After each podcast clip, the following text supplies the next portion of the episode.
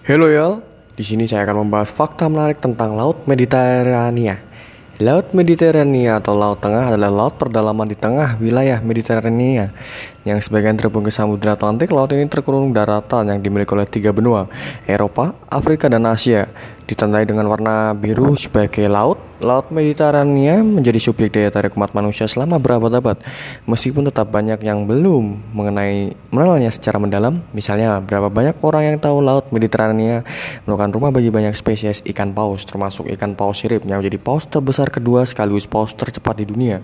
Untuk fakta menariknya tentang Laut Mediterania, Laut Mediterania terbentuk bersama dengan daerah Mediterania yang muncul sebagai akibat dari aktivitas tektonik ketika lempeng Afrika dan Eurasia saling bertabrakan. Laut menjadi saksi kemunculan beberapa peradaban tertua di dunia.